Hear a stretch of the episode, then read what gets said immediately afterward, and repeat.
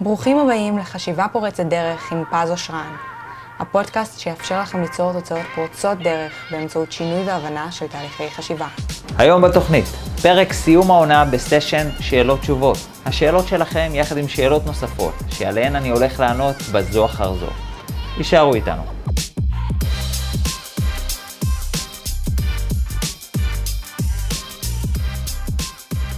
היי היי, חברים, מה שלומכם? ברוכים הבאים לפודקאסט חשיבה פורצת דרך. למי שלא מכיר אותי ולמי שחדש, אז נעים מאוד. קוראים לי פז אושרן, אני מאסטר ומורה ל-NLP, בארצות הברית גם מאסטר בהיפנוזה, מחבר סדרת הספרים רבי המכר. איך להיות מגנט חברתי, יש לי בית ספר ל-NLP בתל אביב, קליניקה בראשון לציון, ואני מגיש לכם כאן את הפודקאסט הזה, חשיבה פורצת דרך בכל יום שני. אפשר להגיד שזה היה עד עכשיו, כי למעשה היום אנחנו טו-טו-טו, תרועות וחצוצרות, בפרק סיום העונה של חשיבה פורצת דרך, מסיימים את העונה השנייה, תראו איזה דרך מטורפת עברנו ביחד. אז אם אתם חדשים, אתם יכולים ליהנות משאר הפרקים, ואם אתם ותיקים, אז ברוכים השבים. אתם באמת שווים. כיף שבאתם. תודה על האהבה ועל החום. ובזכותכם עברנו דרך שלמה ביחד, ואפילו עונה נוספת שהיא עונה שנייה. ובשבילכם בהחלט תהיה גם עונה שלישית בזמן הנכון, אחרי קצת מנוחה. אז תודה לכם על כל האהבה, תודה שאתם עוקבים, תודה שאתם משתפים, ותודה שאתם מעלים אותנו בדירוג בספוטיפיי בזכות ההאזנות שלכם. תודה, תודה, תודה, וכמו שהבטחתי לכם בפרקים הקודמים, פרק סיום העונה הוא בעצם פרק שאלות תשובות.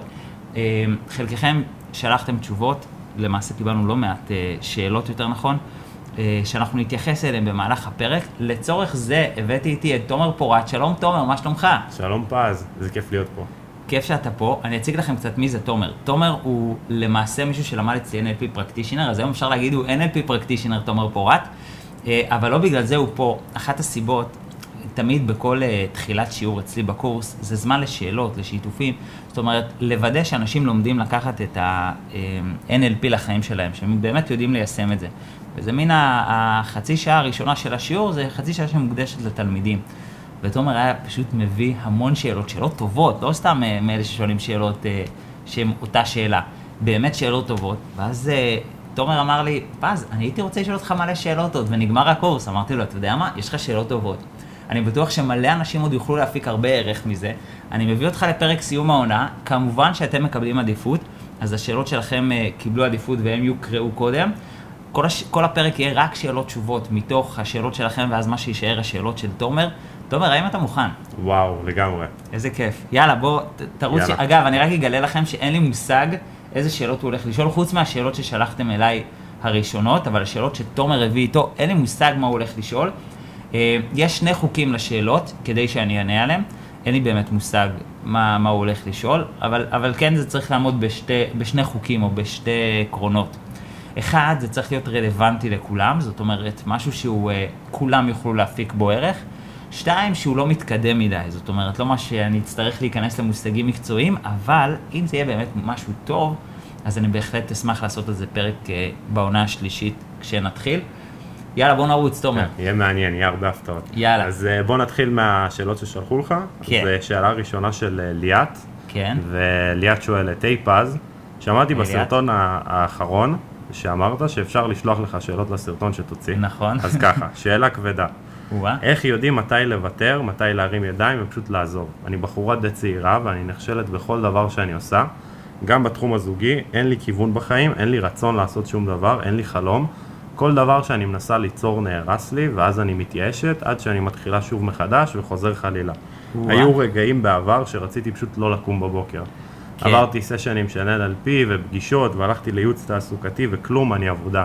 מיותר לציין שגם המשפחה הקרובה שלי התייאשה ממני, אני לא יודעת מה אני רוצה לעשות בחיים, סיימתי תיכון לפני מספר שנים ופשוט נזרקתי לעולם, כמו כולם.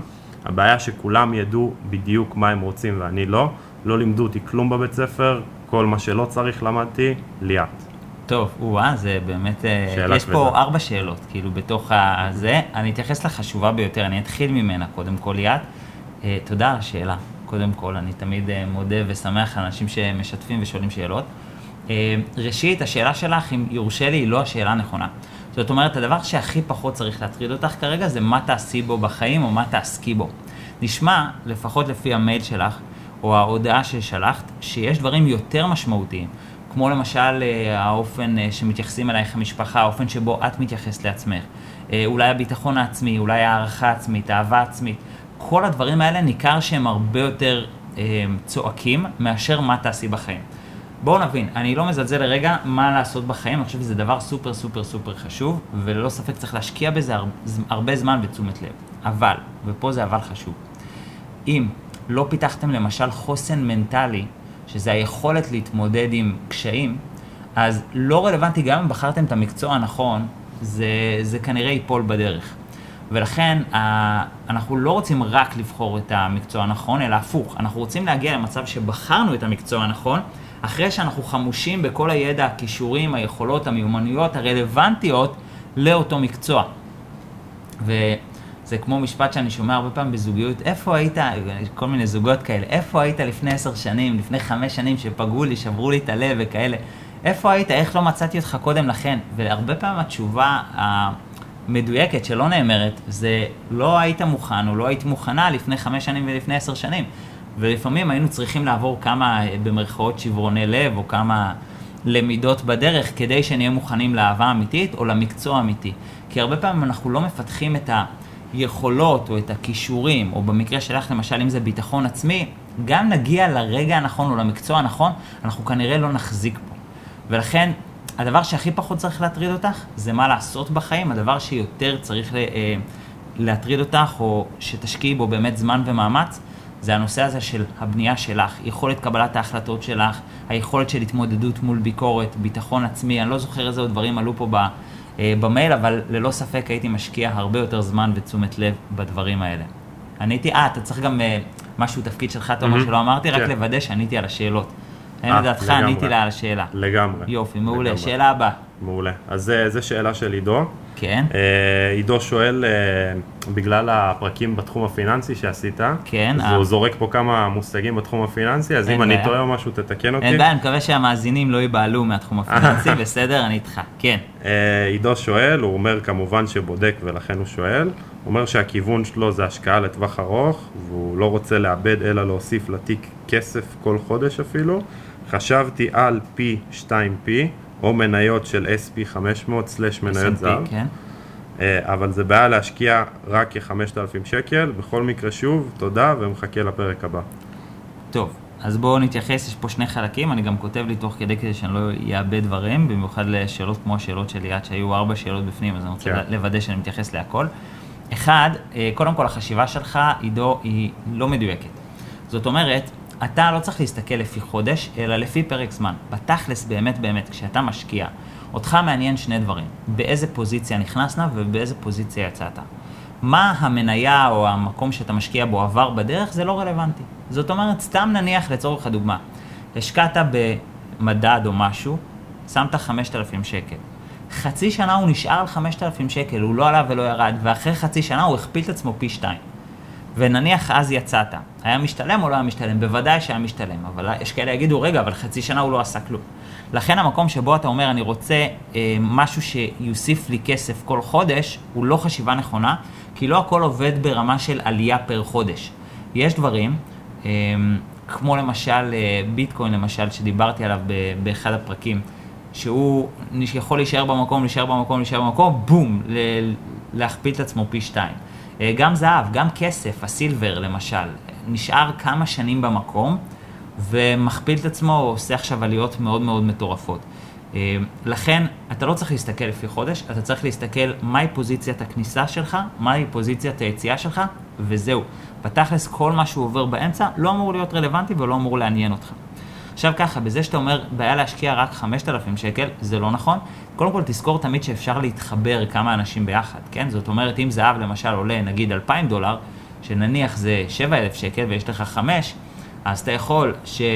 אה, להתחבר עם מישהו, הוא ישים 2,000, אתה תשים 5,000 והוא יקבל פחות משליש, אתה תקבל את השני שליש, או את היתרה. זאת אומרת, אפשר להתחבר כמה אנשים ולקנות.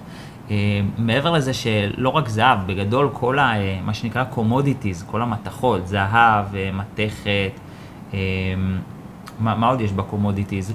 כל ה section הזה, אני לא זוכר אותו בעל פה, הם די עולים ויורדים ביחד, ככה שיש גם כאלה זולים יותר. ובכל מקרה, אני חוזר על משהו שאמרתי בפרק על השקעות.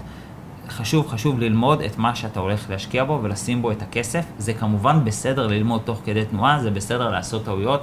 וכשיש לך 5,000 שקל, ללא ספק זה יכאב לאבד אותם, אבל זה עדיף לאבד אותם עכשיו, או עדיף, לא, חס וחלילה, חס וחלילה לאבד אותם, כן, אבל עדיף לעשות טעויות על 5,000 שקל ולא על 50,000 שקל או 500,000 שקל, ולכן אה, זה, זה לא רק, זאת אומרת, עדיף ששכר הלימוד שלך יהיה 5,000 שקל ולא יותר מזה. אז, אה, אז לכן שווה להתחיל להשקיע, כמו שאמרתי גם בפרק על השקעות, שווה להתחיל להשקיע מוקדם ככל האפשר, ו, ותזכור תמיד את הכוח של צוות, את הכוח של קבוצה. אפילו, יש כאלה שללמוד השקעות זה, זה יותר מדי בשבילם. מספיק שאתה מתחבר על מישהו, אתה סומך עליו, אחד מביא את הכסף, אחד מביא את הידע, יש הרבה מאוד אפשרויות לשיתופי פעולה, ממליץ על זה בחום. אה, S&P 500 בכללי, סתם שתדע, אה, לא יודע איך P2P, אבל, אבל uh, S&P 500 בכללי הוא מדד מצוין. עכשיו ספציפית, בזמן שאנחנו נמצאים עם הקורונה, אני לא הייתי נכנס אליו, אבל שוב, זו הדעה האישית שלי, ואני לא uh, יועץ השקעות וכן הלאה, אז בכל מקרה תלמד את הנושא, מה שאני אומר זה מה שאני למדתי, וזה לא בהכרח נכון. האם עניתי? כן, מעולה. אני יכול להוסיף משהו? בטח. אז וואו. סיפרת על ההשקעות uh, שהוא ימצא מישהו והשקיע בקבוצה כן. והכל, אז יש ממש חברות גדולות גם בארץ וגם בחו"ל, של השקעות חברתיות. שממש לוקחים המון אנשים, ואז הסכום כניסה הוא מאוד נמוך. ש, אה, אה, בעד דברים כאלה באופן כללי, רק צריך לדעת, צריך להיזהר, צריך להכיר, בטח. יש גם הרבה עוקצים בנושא נכון, הזה, נכון, יש, נכון, יש, יש הרבה מקום ל... אה, קיצור, הרבה מה ללמוד בנושא הזה, אבל, אבל ללא ספק אפשרויות קבוצה, פשוט קבוצה שאנחנו לא מכירים, יש הרבה יותר פתחים ל... אני רוצה שתבינו, בנושא של ההשקעות, שם גם כל העוקצים נמצאים, כי שם כל ה... שם הכסף הגדול. כן. אז צריך באמת להכיר את הנושא, להכיר את האנשים, לוודא שהם הולכים למקום שאתם סומכים עליו, לפעמים זה לאו דווקא באמת עוקץ, לפעמים זה סתם, אה, אתם רוצים למשוך את הכסף חזרה, אה, זו חברה שלא עובדת עם כסף נזיל, עד שאתם מקבלים את הכסף יוצאת הנשמה. יש כל מיני סיפורים ששמעתי. אז, mm-hmm, כן. אז, אז חשוב להכיר, אבל בגדול ברמת הרעיון אני מאוד בעד. מדהים. יאללה, שאלה הבאה.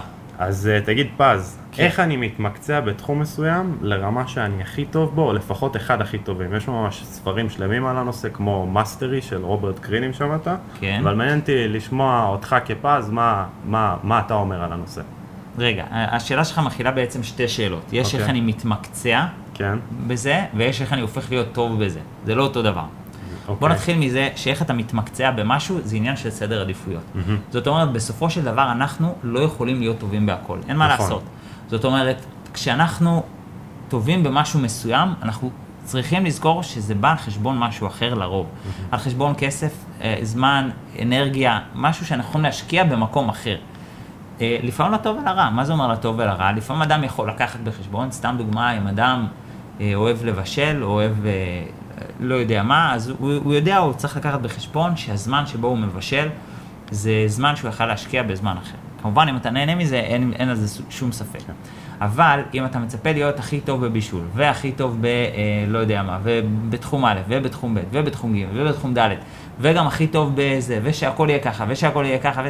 זה כבר עודף ציפיות, זה מוגזם מדי. ולכן העניין הוא באמת לעשות איזושהי בדיקה לגבי סדר העדיפויות שלך. עכשיו חשוב לי שנזכור משהו אחד, אם אתם רוצים לדעת מה סדר העדיפויות שלכם כרגע, תסתכלו על ניהול הזמן שלכם. איך אתם כרגע מנהלים את הזמן? המקום שאליו הולך כל הזמן, כל התשומת לב, כל הפוקוס, זה כנראה מה שאתם מצטיינים בו. אנשים שהם כל היום בפייסבוק או ביוטיוב, אני לא צוחק, הם מצטיינים בזה. זה האנשים שכנראה אני אליכם, כשאני ארצה לדעת איך אה, לכתוב פוסט מעניין בפייסבוק, או איך... אה, אה, או איך למצוא משהו מעניין ביוטיוב וכן הלאה. זאת אומרת, מה שאתם מוציאים עליו הכי הרבה זמן ואנרגיה זה כנראה מה שאתם מת, מתמקצעים בו. אז התשובה היא, איך להתמקצע במשהו, לוודא שהוא תופס את החלק המשמעותי ביותר בזמן, באנרגיה, בכסף ובתשומת הלב שלכם. מדהים. זה אחד. עכשיו, שתיים, איך אתה הופך להיות טוב בו, זה עניין של שני דברים. Mm-hmm. אחד, זה כמובן עניין של ידע. ללמוד נכון, ללמוד את הידע הנכון, ללמוד את זה באמת בצורה נכונה. אה, ושתיים, עניין של תרגול. בואו נתחיל רגע מהראשון. הראשון בנוגע לעניין של ללמוד את זה נכון, ללא ספק יש, וזה, אני רואה את זה, למשל, אם אני אקח את זה למשל מהתחום שלי, בתחום ה-NLP. Mm-hmm. יש הרבה אנשים שהם פשוט מלמדים אוסף של כלים, אוסף של טכניקות, ואפשר להסתכל על זה ככה, אבל לדעתי זה מאוד חסר. זאת אומרת, המורים הכי טובים הם אלה שיודעים לפרק שיטה לעקרונות, ככה שאתה תדע להבין אותה, ואתה mm-hmm. תדע מתי ליישם ואיך לתרגל ואיך לעבוד איתה. ואני רואה את זה בכל זה, למדתי אומנויות לחימה, אז באומנות לחימה יש את אלה שאומרים לך, יש את התנועה הזאת, יש את התנועה הזאת, יש את... אבל באמת מקומות שמלמדים טוב אומנות לחימה זה אלה שמפרקים את זה לעקרונות של את הטכניקה הזאת אנחנו עושים במטרה הזאת, וככה זה עובד, ואתה מנטרל את, ה, את המפרק הזה, ואז הוא לא יכול לעשות ככה, בעצם ממש מלמדים אותך את התפיסה מאחורה. אז כדי להיות טוב במשהו, תוודא שאתה לא לומד רק את המכניקה, אלא גם את התפיסה מאחורה, את העקרונות שעומדים מאחורה. ואז תרגל את זה מספיק, עד שכבר הראש שלך הופך להיות אוטומטי, ולבד הוא יודע לנתח את המצב, יודע לשלוף, הנה העקרונות האלה באים לידי ביטוי, והנה עכשיו עושים את הדבר הזה והזה, וככה אתה מתמקצע במשהו. האם עניתי? אז איך אני מגיע לרמה שאני ממש הכי טוב במשהו בתחום מסוים, או לפחות קרוב לשם? אז אני לא זוכר, אני שמעתי פעם אה. משהו מעניין, אני לא זוכר אם זה אלף שעות או חמשת אלפים שעות. נכון, אני יודע על מה אתה מדבר. אתה יודע על מה אני מדבר? כן, אני לא שלוקח ל- להתמקצע במשהו לרמת כן, מאסטר. כאילו. נכון, כמה זה היה? כן. אני חושב שזה היה אלף שעות. אני חושב גם, אני לא לא. סגור על המספר. ומה זה בעצם אלף שעות? זה אומר שש שעות כל יום, או אתה יכול לפרוס את זה לחמש שנים ואז לעשות את זה שעה ביום. משהו כזה, כן, יש מצב אני טועה קצת במספרים, אבל זה בערך ככה. ו... או, שלוש שנים ושעה ביום, משהו כזה. מהמם. ו... ומה שאומר אלף שעות, אתה כבר נהיה מקצוען במשהו. לא משנה מה, תעשה אלף שעות, אתה תהיה תותח פה. ו... וזה רק נטו עניין של סבלנות ותרגול, ו... והשאלה, ואגב, בדיגום, במאסטר, אני, מהמם. אנחנו לומדים דיגום. אחת השאלות שאני מאוד מאוד אוהב לשאול, זה כשאני דוגם מישהו שהוא טוב במשהו, כן. זה איפה המקום שבו רוב האנשים מרימים ידיים שאתה יכול להמשיך. מדהים. אני מאוד אוהב את שאלה. השאלה הזאת, כן, כי היא עוזרת לי להבין, הרי בסופו של דבר כל אדם שיעשה אלף. שעות הוא יצליח, אבל לא כל אדם מגיע לאלף שעות, כנראה אנשים נופלים באמצע, ולכן מה? שיותר חשוב, בדיוק, זה, ה, זה המקום שבו הם נופלים, שאליו אני רוצה להגיע חסין, ולא אה, הדרך. הדרך ידועה, תעשה אלף שעות ו, ואתה תגיע, אין פה וואו. שאלה. השאלה איך אתה מגיע לאלף שעות, וזו השאלה היותר רלוונטית. ולכן שווה לראות באמת איפה רוב האנ- האנשים מרימים ידיים, שם תמשיך. מדהים, מדהים, ענית לגמרי. יש. אז שאלה הבאה, יש מחקרים שאומרים שגברים אה, יותר נוטים להסתכל על דברים בצורה ויזואלית, ונשים הן אה, יותר חישתיות, זאת אומרת ריחות, מגע, דברים כאלה. אוקיי. מה הדעה שלך בנושא, וסתם מעניין אה, עם הניסיון שלך בסשנים, באנשים שטיפלת בהם, אם זה באמת מה שאתה רואה. אה, רגע, אז אני אענה על... אה, אני אתחיל רגע דווקא מהחלק השני. האם נשים יותר חי- חישתיות? קודם כל, אני לא, לא, לא בטוח לגבי המערכת ייצוג, אם אתה מדבר איתי כן, ברמת כן. המושג המקצועי. יש ו- להם, לנשים יש נטייה פשוט יותר גבוהה אוקיי. למערכת ייצוג הזאת. אז? אה, אז, אז לא, אבל ללא ספק נשים הן הרבה יותר רגישות, הן צריכות את זה. אני לא יודע אם דיברנו על זה בפרק על רגשות, אבל הן צריכות את זה. למה? הן חייבות להרגיש שאם לתינוק קורה משהו, בסדר? זה חלק הישרדותי. בגלל שהאימא היא זאת שסוחבת את התינוק תשעה חודשים, אז היא זאת שמפתחת את הקשר והיא זאת ש... אה, להחזיק אותו ובעצם חייבת לדעת לטפל בו, הרי לגבר לוקח לפעמים קצת זמן עד שהוא יודע איך זה, אבל האישה כבר רקמה איזשהו קשר של תשעה חודשים, ולכן היא חייבת סנסורים הרבה יותר חדים, כדי שכבר כשהוא יצא לעולם להרגיש אותו ולדעת מה קורה איתו. אז נשים כבר ברמה הביולוגית הן יותר רגישות, זה לא אומר כלום על המערכת ייצוג שלהן. זאת אומרת, זה לא אומר כלום על האופן שבו הן קולטות מידע או מאבדות מידע בהכרח. אמ, הבנתי מה אתה אומר. כן, אז, אבל כן, נשים יש להן הרבה יותר אה, חישת, זאת אומרת, הן הרבה יותר אה, מחוברות לרגש או לפן החישתי. זה. לא אומר כלום על המערכת ייצוג. ברמת המערכת ייצוג, אני לא יודע להגיד לך סטטיסטיקה, אף פעם לא עשיתי את זה, אבל אם אני משחזר ככה, בוא נגיד את המטופלים שהיו לי בחודש, חודשיים, שלושה האחרונים, אני לא רואה פה איזושהי מגמה. מובהקת. כן. יאללה, אה, עניתי? לגמרי. אש, נקסט. אז uh, מעניין אותי, ואני אספר איזה סיפור קטן על הדרך. כן. Uh, איך בן אדם עשיר שחי חיי אורח חיים כאילו של בן אדם ברמה הכי גבוהה שיש, בית מפואר, מכוניות יוקרתיות, חופשות אקזוטיות, איך הוא יכול ללמד את הילדים שלו צניעות. ואני סתם אתן לך דוגמה, יש בן אדם, לא יודע אם שמעת עליו, דן פניה. לא, לא? שמעתי עליו. לא משנה, זה מיליארדר, שיש לו אחוזה מטורפת, ענקית, כן. והוא מלמד אנשים איך לעשות כסף ודברים כאלה. עכשיו, אה, יצא לי לקרוא ספציפית על איך הוא התנהל עם הילדים שלו.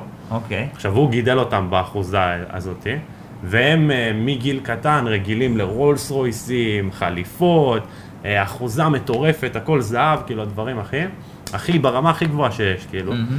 והוא מגיל 18, הוא זורק אותם לעולם בלי שקל. הוא לא, הוא לא נותן להם ירושה, סבבה?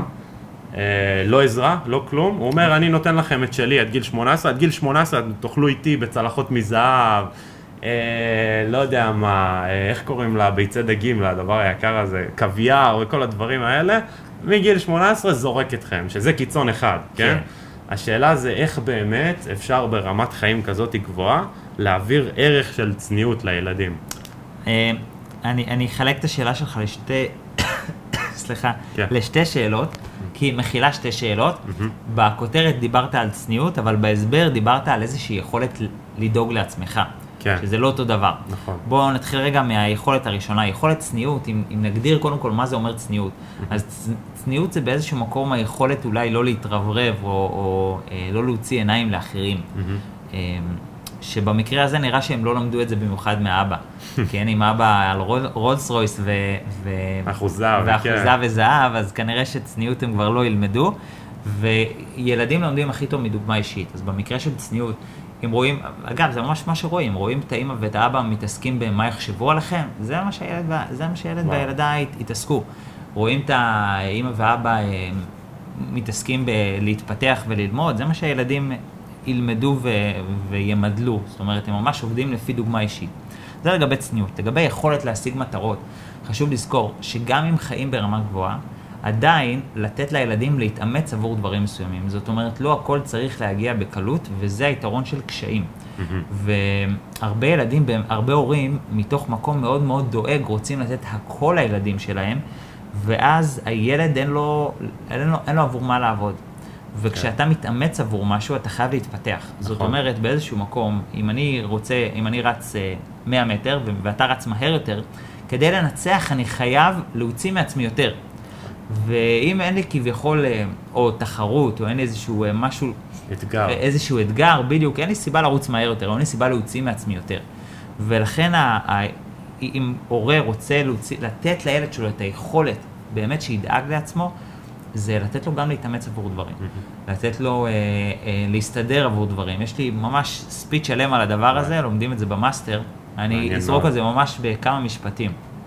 אבל זה בין היתר לחזק ביטחון עצמי, לפתח לו את היכולת לעבוד מסודר עם תקציב מוגבל וזמן מוגבל. זאת אומרת, אין בעיה נגיד לתת כסף, אבל שיהיה כסף שהוא ידע להתנהל, כדי שידע לחלק את זה. אתה קונה עכשיו, זה בא על חשבון משהו אחר.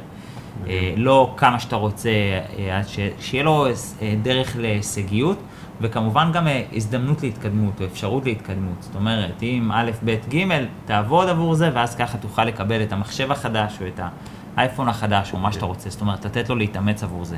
האם עניתי על השאלה? כן, רק דבר קטן, אתה כן. חושב שהקיצון שדן פניה חי עם הילדים שלו, זאת אומרת, הם חיים בקיצון של עושר, כן. ואז בגיל 18 קיצון של אתם לא מקבלים כלום. כן. האם זה, זה בריא אם ככה מוצאים את האמצע? קודם כל, מה שיקבע זה לא אני, זה מבחן התוצאה, אז שווה להכיר אותם ולראות איפה הם היום. זה מעניין. אה, אם אני צריך לנחש, אני נוטה לחשוב ש, שזה לא נכון. בגדול, בגדול, אם הייתי צריך לבחור מה המסלול חיים האידיאלי של בן אדם, אז אה, זה לתת לו את כל הקשיים ככל שהוא צעיר יותר, ואז לתת לו חיים קלים יותר. אה, אני אתן לך רגע Mm. דוגמה מתחום תוכן, מתחום תוכן אחר. אה, אני מקווה שאני לא מדבר משהו אישי מדי, אבל אה, תראה, אה, בת הזוג שלי, אלינור, מי שהכיר אותה ככה מהפודקאסטים הקודמים, אימא שלה מבשלת מנות שף. שף, אני אומר לך, אוכל שף, ברמה מאוד גבוהה, על הפרטים הקטנים. ואימא שלי מבשלת רגיל, כן? היא, היא, מב- בעיניי היא מבשלת, אני ממש נהנה, טעים. אלא שאלינור רגילה למנות שף. מהמם. עכשיו, מבחינתה זה לא מנות שף, מבחינתה זה אוכל רגיל שהיא רגילה מהבית. ואז היא, אנחנו מגיעים אליה ב, לארוחת שישי, כמה לדעתך אני נהנה? מניח שהמון. מה, מה זה המון, איזה אוכל, איזה כיף, איזה כן. טעים. היא מגיעה אליי לארוחות שישי, כמה היא נהנית, לא כל כך. וכמה אני נהנה. המון. הרגיל, כן, כן. מצוין, אחלה אוכל, טעים לחלוטין. זאת אומרת, באיזשהו מקום, כשאדם מתחיל בחיים ממש ממש טובים, גם הסטנדרט עולה, ואז כל מה שנמוך מהסטנדרט פתאום הופך להיות קשה יותר. ולכן עדיף את כל הקשיים בהתחלה כדי להוריד את הסטנדרט. אני וואלה וואו. יכול לחיות, תקשיב, אני יכול לחיות על, על, על בננה, אני יכול לחיות, על כלום, באמת, על אוכל או אוכל. ואלינור יש לה סטנדרט, היא, האוכל צריך להיות ממש חם, ואם זה לא חם במסעדה, אז אה, סליחה, אני חייבת שיחמם לי את זה יותר, טמפרטורה מסוימת. כאילו יש ממש סטנדרט מסוים. הבנתי. ולכן אותו דבר לחיים, עדיף שכל הקשיים או כל התנאים הפחות טובים יגיעו בהתחלה ככל האפשר, כי לזה אנחנו מתרגלים. אז שנתרגל לפחות טוב, ומשם לעלות יהיה הרבה יותר קל. אבל אחרי שאתה רגיל לסטנדרט מסוים, לבקש ממך לרדת, כן? מכל תחום. אדם אה, רגיל למשכורת גבוהה, יבקשו ממנו לרדת, יותר קשה. אדם אה, רגיל לאוכל מסוים, יבקשו ממנו לרדת, יותר קשה. אבל אם אתה כבר רגיל למשכורת נמוכה, או רגיל לאוכל ברמה בסיסית ורגילה, מפה לעלות, נשאר לך רק לעלות, ואז זה כבר הרבה יותר פשוט. כן, עניתי? לגמרי. מושלם. אה, מעניין אותי, ראיתי איזה דוקו על טוני רובינס, כן. והוא סיפר שממש הראו בדוקו, יש לו בריכה. שהטמפרטורה היא ממש כמעט לקיפאון, כאילו. כן, כן, והוא כל בוקר קופץ, וממש כאילו ככה הוא פותח את הבוקר. כן. והוא סיפר שזה ממש עוגן שהוא יצר לעצמו, שהוא בבוקר, אפילו לפני שהוא קופץ לבריכה, הוא רק רואה את הבריכה, הוא מתעורר. אוקיי. מקבל את הספייק הזה. כן. זה מעניין אם גם לך יש בבית אה, כל מיני עוגנים שיצרת לעצמך, כאלה. אם לי יש אה, בבית כל מיני עוגנים שיצרתי לעצמי, אנחנו עכשיו אצלי בבית, סתם אה, אנשים בפודקאסט לא, לא יודעים את זה, אבל אנחנו אצלי בבית, אני מסתכל, אם יש לי כל מיני עוגנים. אה, אני לא רואה כאלה, את האמת, אני לא רואה כאלה, אולי הפינת מחשב שלי, הפינה שבה אני עובד, אז היא איזשהו עוגן. כן. אה, אני נוטה לחשוב שכן, הפינה שזה, אבל לא, כי... אני אגיד לך מה, אתה יודע מה, בעצם אני חושב על זה, תגיד לי אתה אם זה איזשהו, יש לי ריטואלים קבועים שאני עושה, מהמם. אני קם בבוקר, אני שומע מוזיקה, תמיד פותח את הבוקר עם מוזיקה חייב, זאת אומרת, אין מצב שאני מתעורר, יאללה, מהר לרוץ, לעשות, אין דבר כזה. מדהים. זה חייב מוזיקה, זה, וגם השיר הרבה פעמים מתנגן בהמשך היום, זה ממש משפר מצב רוח, זה חלק מהזה. עכשיו, אני לא יודע להגיד לך אם יש לי עוגן לדבר הזה, זה כבר אוטומטית, הרמקול לידי, אני לא יודע אם זה עוגן, אבל זה כבר איזשהו הרגל וריטואל. לא יודע אם יש לי איזה שהם עוגנים, בטוח יש לי, ולא לא שאני מצליח פשוט להיזכר. אבל, אבל ריטואלים בטח שיש. חזק. אה, תגיד עוד משהו שמעניין אותי. יש קונספט שיצא לי לשמוע מכמה אנשים, ספרים והרצאות, שאומר שרוב המחשבות שלנו, משהו כמו 91% מהם, הם לא שלנו. זה פשוט דברים שאנחנו מקבלים אה, מהטלוויזיה, מההורים שלנו, דברים כאלה. אה, ומה שצריך לעשות, לפחות לפי הטענה, תכף מעניין אותי לשמוע את הדעה שלך, אוקיי. זה להסתכל עליהם בצורה ניטרלית, להסתכל עליהם, לפני שאנחנו ממש. ככה לפחות הם אומרים, מעגנים אותם רגשית. כי הם טוענים שברגע שאתה מצרף למחשבה רגש, אז אתה ממש מתקין אותה לעצמך. אז הם אומרים ממש להסתכל על רוב המחשבות שלנו בצורה של גוף שלישי, מנותק בצורה לוגית, וממש להחליט מה אני מכניס לעצמי ומה אני לא מכניס לעצמי. מה אוקיי. אתה חושב על זה? אמ, אני חושב שזה קצת לא ריאלי לבקש, לבקש את זה מאנשים, במיוחד אנשים שלא יודעים לשלוט במחשבות. רוב האנשים חושבים את זה, חושבים פשוט על אוטומט, וגם אם זה נכון, בוא רגע נצא מנקודת הנחה שזה נכון, מאיזה גיל אתה מתחיל לאמן את זה? זאת אומרת, כן. הרי בסופו של דבר לתינוק לבקש ממנו אה, זה, גם לא. מגיל שלוש, מגיל ארבע, גם, אתה יודע, לנתק את זה רגשית. ילדים חיים כל דבר, הם צריכים לחוש כל דבר, הם צריכים להחזיק כל דבר. כן. אז גם אם זה נכון, אז השאלה היא מאיזה גיל אתה מתחיל. באופן כללי, ברמת העיקרון, אני כן מסכים עם זה, שתבהה במחשבות, אל תיקח אותם אישית. זאת אומרת, המחשבות כן. זה לא אתה, מה שנקרא. אני מסכים עם, עם העיקרון הזה, אבל יש גם uh, מחשבות שהן לא שלי, והן יכולות להניע אותי רגשית, והן מצוינות. זאת אומרת, אם למשל יגידו לי שפירות וירקות זה בריא, ואני ארגיש לזה מוטיבציה, ואז אולי המחשבה הזאת היא לא שלי, אבל אם אני ארגיש שזה מוטיבציה ושמחה, איזה כיף להיות בריא, אז זה לא דבר רע. לכן כן, השאלה היא נכון. לא מה שלי או מה לא שלי, כי האם יש הנחת יסוד כזאת שרק המחשבות שלי הן המחשבות הטובות וכל מה שלא שלי הוא, הוא לא, לא טוב, אני לא בטוח שאני מסכים עם זה, אלא יותר כן. רלוונטי, פשוט תאמץ לך את מה שטוב לך, מה שמחזק אותך, מה שמעצים אותך, ותרחיק את מה שלא. מדהים. אני, אני אוסיף על זה משפט של ביל גייטס, כן, שהוא אמר שאחד הדברים שהכי קידמו אותו זה פשוט להחליט איזה מחשבות שלו הן חשובות ואיזה לא, ולתת לאלה שחשובות פוקוס. לגמרי. זה- זה כן, בדיוק לגמרי, זה. לגמרי, לגמרי. מדהים. Uh, קורה הרבה פעמים שאנשים מרגישים לא ראויים לדברים מסוימים. אתן לך ממש דוגמה, דוגמה מפורסמת. אני לא זוכר את השמות המדויקים, אבל זו דוגמה ממש אבל מפורסמת. הדוגמה קרתה. כן, אז uh, היה מישהו שהוא היה uh, בדרך לאליפות האגרוף בארצות הברית, אוקיי. והוא הגיע ממש לגמר עם uh, אלוף העולם באגרוף. והוא אוקיי. הגיע למצב שהוא מפיל אותו בנוקאוט, וכאילו אלוף העולם הנוכחי כאילו ממש היה על הרצפה, מהמם. ובקושי הצליח לזוז, וראו את הבן אדם שהיה מולו פשוט קופא. כל מה שהוא היה צריך לעשות זה כאילו ממש איזה דברים קטנים, הוא כבר די ניצח, זה היה ברור שהוא ניצח, פשוט קפא במקום, משהו כמו דקה שלמה, עד שהבן אדם קם, האלוף העולם הנוכחי, ופשוט ניצח אותו. ובריאיון אחרי הקרב שאלו אותו כאילו, איך זה קרה? היית שמה, כאילו זהו, כן. הגעת לשם. אז הוא אמר שהוא ישב עם עצמו ו- וחשב על זה, והוא אמר שהוא הוא לא הרגיש ראוי לזה. הוא לא. הרגיש ראוי להיות אלוף העולם. הוא אמר שממש כאילו, אם ניקח את זה למונחים שלנו, ממש תת המודע שלו ממש חסם אותו. כן, כן. אתה מבין? מה עושים במצבים כאלה? איך בן אדם יכול לעבוד עם זה? אז אה, כן, זו שאלה טיפה מתקדמת, אני אנסה לענות עליה, אה, אני אצטרך להשתמש טיפה במושגים מורכבים, אבל אה, אני בטוח שהקהל שלנו יכיר לפחות חלק מהמושגים. יש מה שנקרא אמונות, אה, יש גם החלטות, ואני לא רוצה לסבך יותר מדי במושגים, אבל נתחיל באמונות. וקודם כל, אם אני ראוי או לא ראוי זה אמונה. נכון. זה משהו שאני מאמין בו, הוא תפיסתי והוא וקיח, זאת אומרת, אפשר להתווכח עליו ולכן הוא רק אמונה. וכל אחד יש לו את האמונה מה צריך להיות כדי להיות ראוי. איכשהו, אה, חלק שמעו את זה, חלק גדלו על זה, חלק יצרו את הסיפור לעצמם, אבל אנשים לא מרגישים שהם ראויים פשוט ממי שהם, כמו שיש אנשים שלא מרגישים שהם ראויים לאהבה בזכות מי שהם, יש אנשים שמרגישים צריך להתאמץ עבור זה, צריך לעשות משהו וכן הלאה. וזה נטו נטו עניין של אמונות, זאת אומרת, מה הסיפור שאתה מספר לעצמך כדי להיות ראוי, ויש, סתם אני אתן לך דוגמה, יש אנשים, משפט מאוד נפוץ מהעולם הפיננסי, שאומרים, שקל טוב זה שקל שהזעת עבורו. מהמם. זאת אומרת, במילים אחרות, אתה לא, אני לא ראוי לשקל שהוא, אה, שהגיע בקלות. נכון. וזה אותם אנשים שברמת האמונה שלהם, הם לא יוכלו ליצור כסף שיגיע בקלות. אה, והדבר הזה פוגש הרבה אנשים בהרבה מאוד מקומות, וזה גם כל מיני סוגים של אמונות. צריך לדעת אה, למצוא את האמונות ו- וכן הלאה כן. וכן הלאה, בגדול.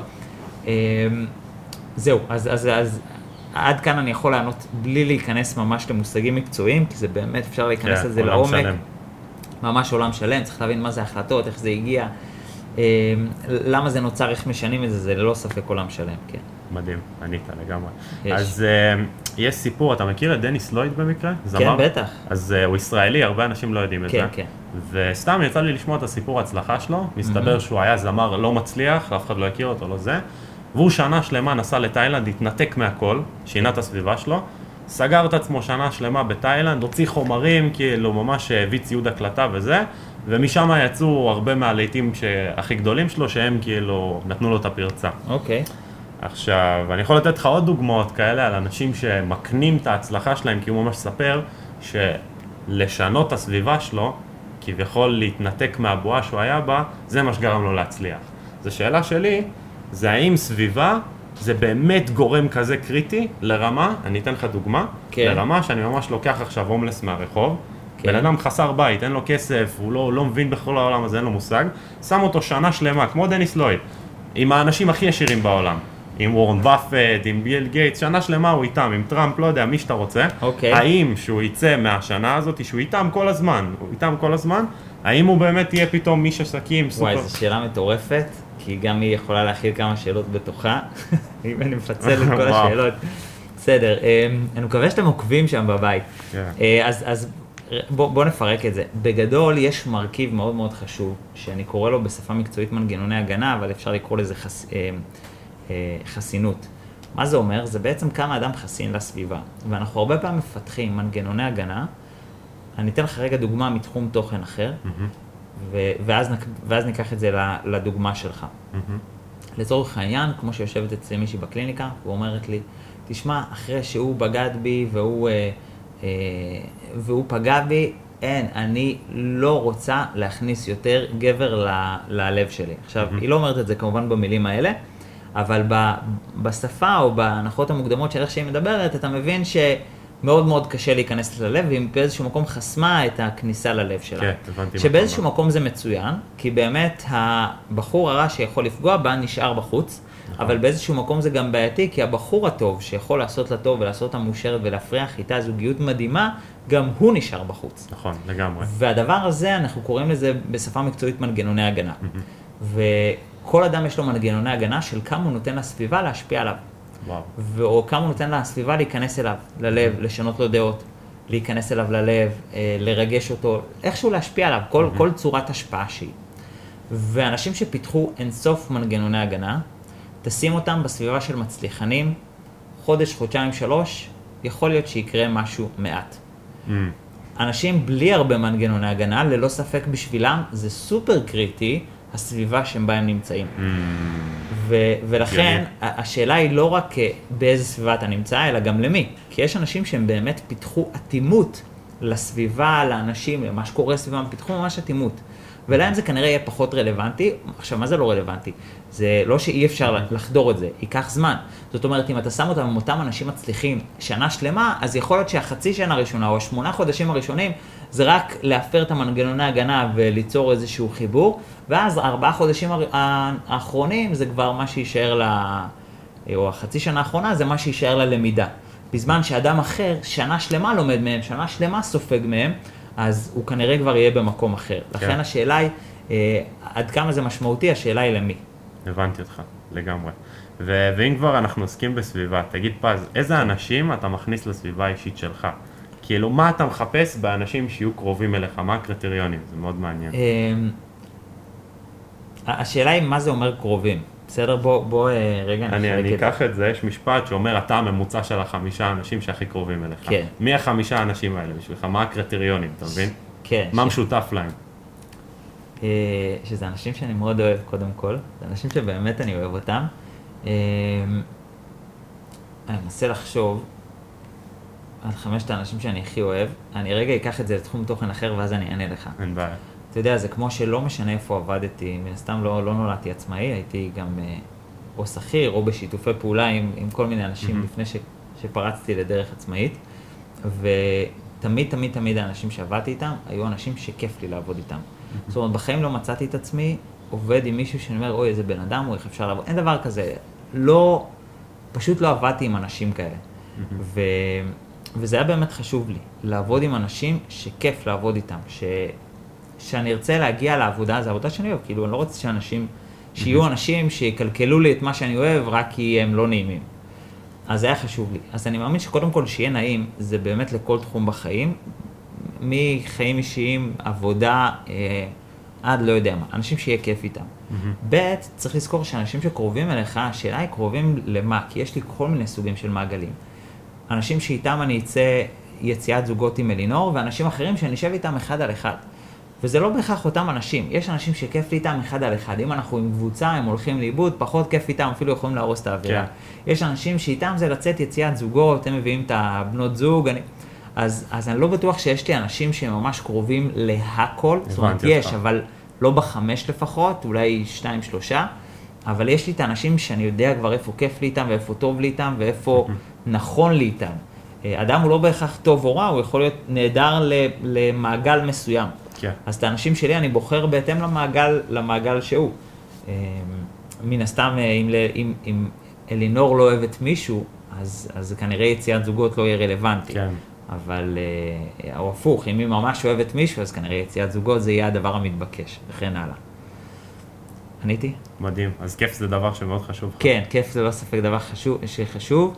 אה, כן, מן הסתם, שוב, אם זה עבודה, זה גם כמובן התפתחות, זה צמיחה, זה, זה יחסים מסוימים, כן, זה, זה משתנה תלוי הקשר, תלוי אה, איפה אתה שם את המעגל. כן, מעניין מאוד.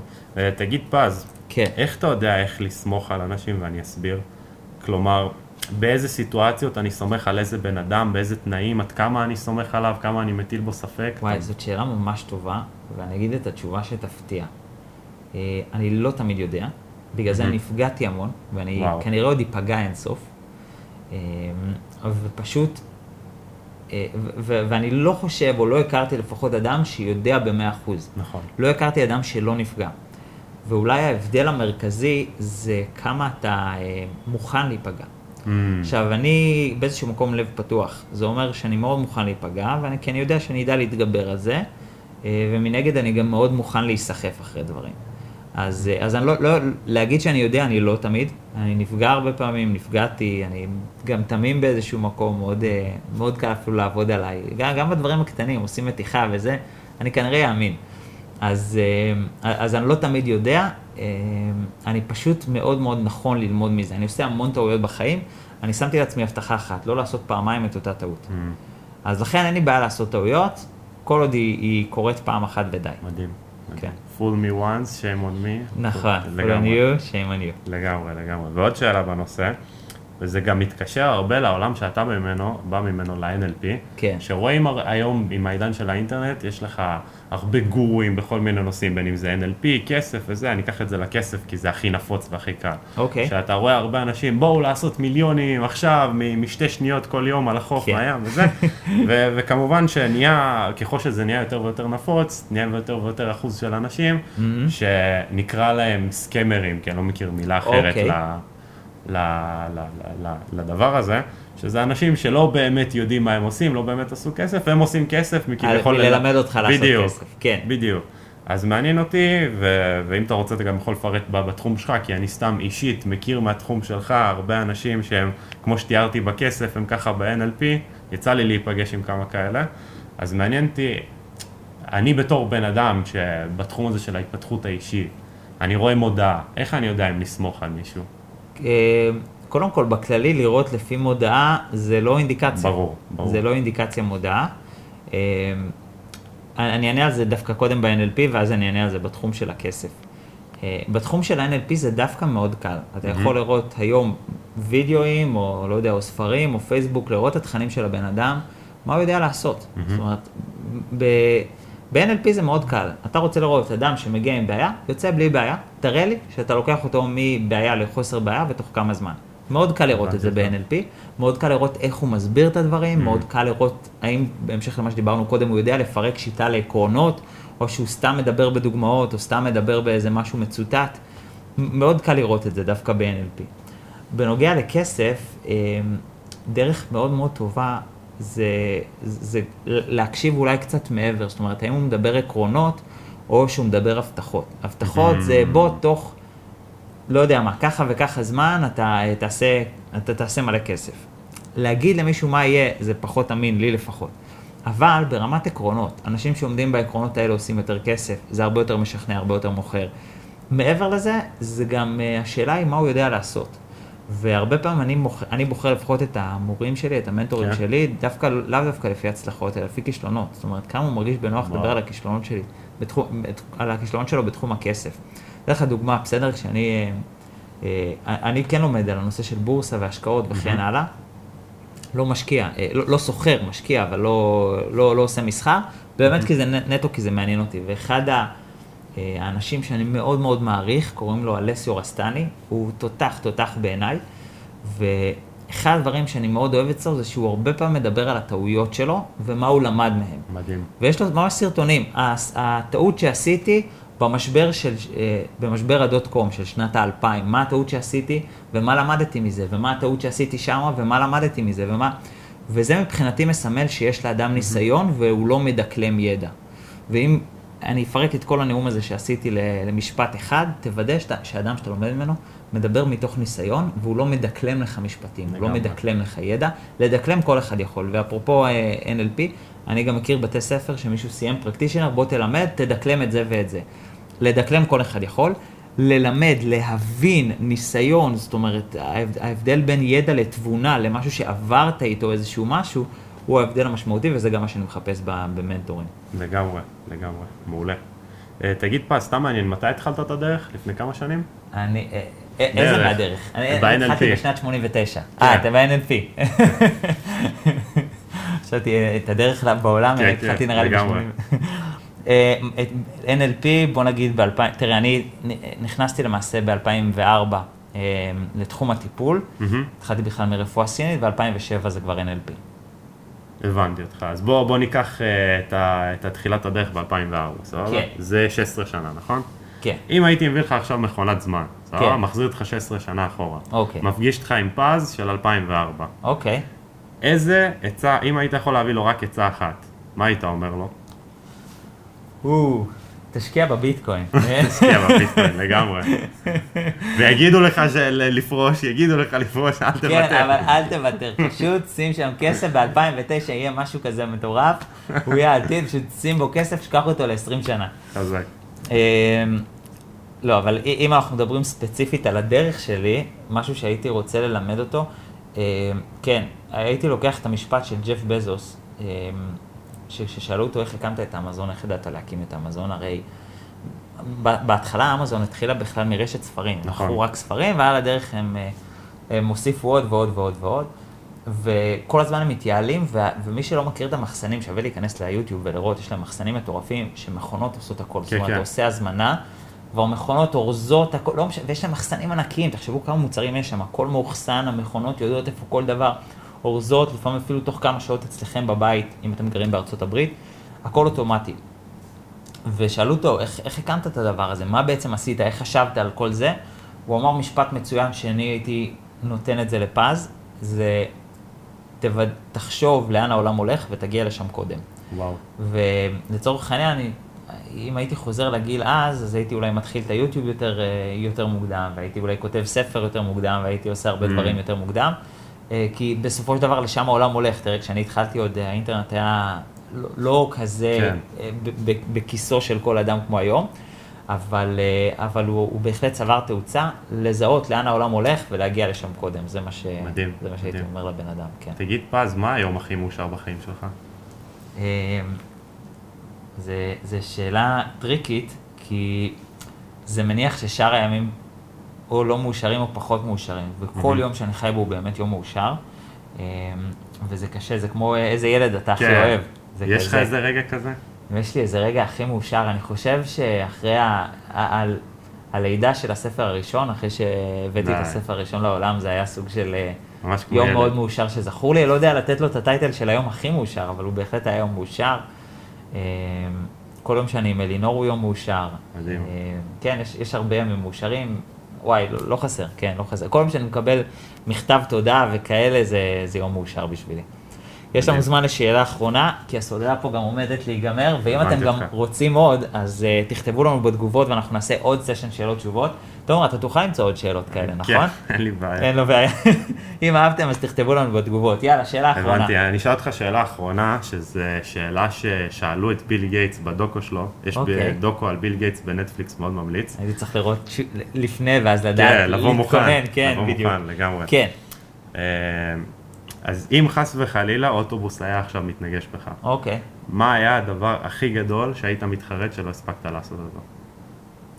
אה, להוציא את כל הידע שלי לעולם, יש לי משהו כמו עשרה ספרים בראש שמחכים שאני אכתוב אותם, וזה באמת לוקח זמן לכתוב אה, ספר, אז, אז פשוט שדגמתי כל כך הרבה ידע, צברתי הרבה ידע, ולא חילקתי אותו לעולם, זה, זה כנראה הדבר וואו. הכואב לי ביותר. מדהים, כן. מדהים.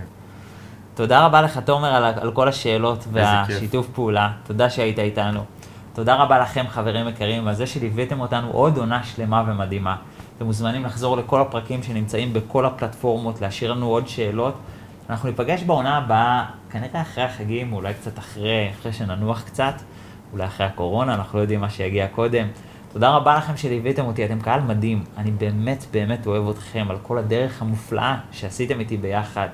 תודה שאתם ממשיכים לשתף, לתת לייקים, לאהוב, להפיץ את כל הידע המופלא הזה לעולם, כדי שבאמת נהפוך את המקום הזה למקום קצת טוב יותר, כמה שאפשר להפוך את זה למקום טוב יותר, שבאמת נחיה את החיים שלנו באמת מבחירה, מ... ולא מהכרח או מאוטומט שכזה. אז באמת תהפכו את החיים שלכם למצב של בחירה, שאתם בוחרים את החיים שלכם ולא נקלעתם לפח... לחיים שלכם, שאתם בוחרים איך להרגיש ולא נקלעים לפחדים או ל... לרגשות שלכם, שבאמת אתם בוחרים את החיים שלכם. ואפשר ללמוד את זה. כל זה זה עניין של ידע, אז אני מעודד אתכם להמשיך ללמוד, זה לא חייב אצלי, זה לא חייב פודקאסטים. יש אינסוף דרכים ללמוד, יש ספרים, יש פודקאסטים, יש קורסים, יש אינסוף אפשרויות, תמשיכו ללמוד, להתפתח, להאיר את הנר שלכם. כשהנר שלכם דולק, הוא יכול להאיר עוד נרות ועוד נרות ועוד נרות, עד שבאמת כל המקום הזה יעורר השראה אחד בשני, וזה השאיפה והאידיאל הגדול. תודה רבה לכם על השיתוף פעולה, על מי שהייתם, על כל הליווי הזה, אוהב אתכם אינסוף. ניפגש בעונה הבאה, שיהיה לכם המשך שבוע מצוין, ביי בינתיים. תודה רבה שהאזנתם לפודקאסט חשיבה פורצת דרך עם פז אושרן. אתם מוזמנים לשתף ולמצוא אותנו גם ביוטיוב או בפייסבוק. פשוט חפשו פז אושרן ותמצאו אותנו.